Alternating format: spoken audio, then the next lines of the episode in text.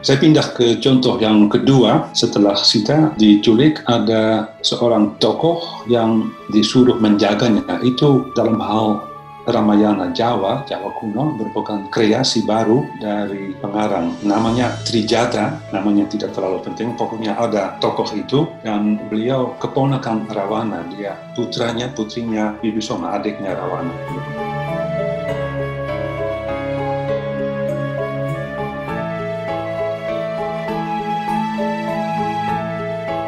Disuruh menjaga Sita, tapi bukan hanya menjaganya, kita ternyata mau membelanya, sehingga akibatnya pamannya tidak bisa apa-apa terhadap Sita.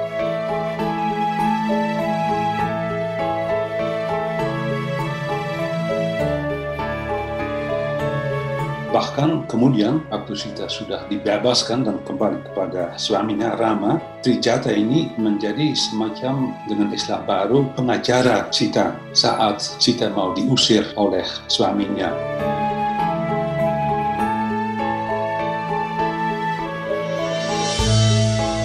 Jadi boleh dikatakan versi Jawa kuno dalam hal ini menampilkan tokoh perempuan di wilayah publik apa artinya? Apakah ini merupakan perbedaan antara masyarakat Jawa dan India? Pada satu pihak perempuan juga ikut tampil dalam wilayah publik pada lain pihak India. Tidak? Atau seperti tadi, ini merupakan pertanyaan lagi, apakah ini justru merupakan masalah pada waktu itu dalam masyarakat Jawa yang lagi hangat abad ke-9?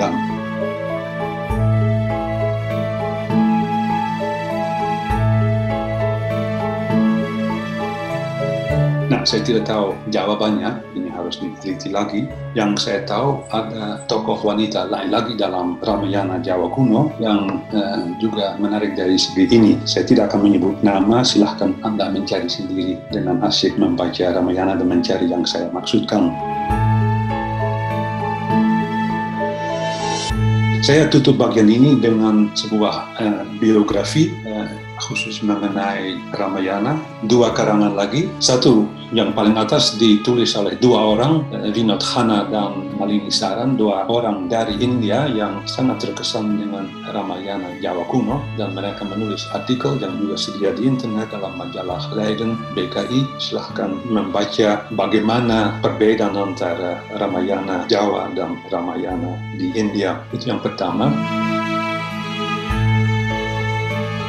Dan yang kedua, khusus tentang India, bukan tentang Jawa. Ibu Paula Risman menulis buku, saya kira tahun 90-an, jadi cukup lama sudah, juga diterjemahkan ke dalam bahasa lain, saya kurang tahu yang mana. Beliau menulis tentang adanya banyak Ramayana di India, bukan satu saja itu juga menarik kalau kita melihat versi Jawa kuno sebagai bagian dari kebudayaan yang luas di mana juga ada tempatnya untuk versi Jawa di samping versi Melayu dan lain lagi di Asia Tenggara.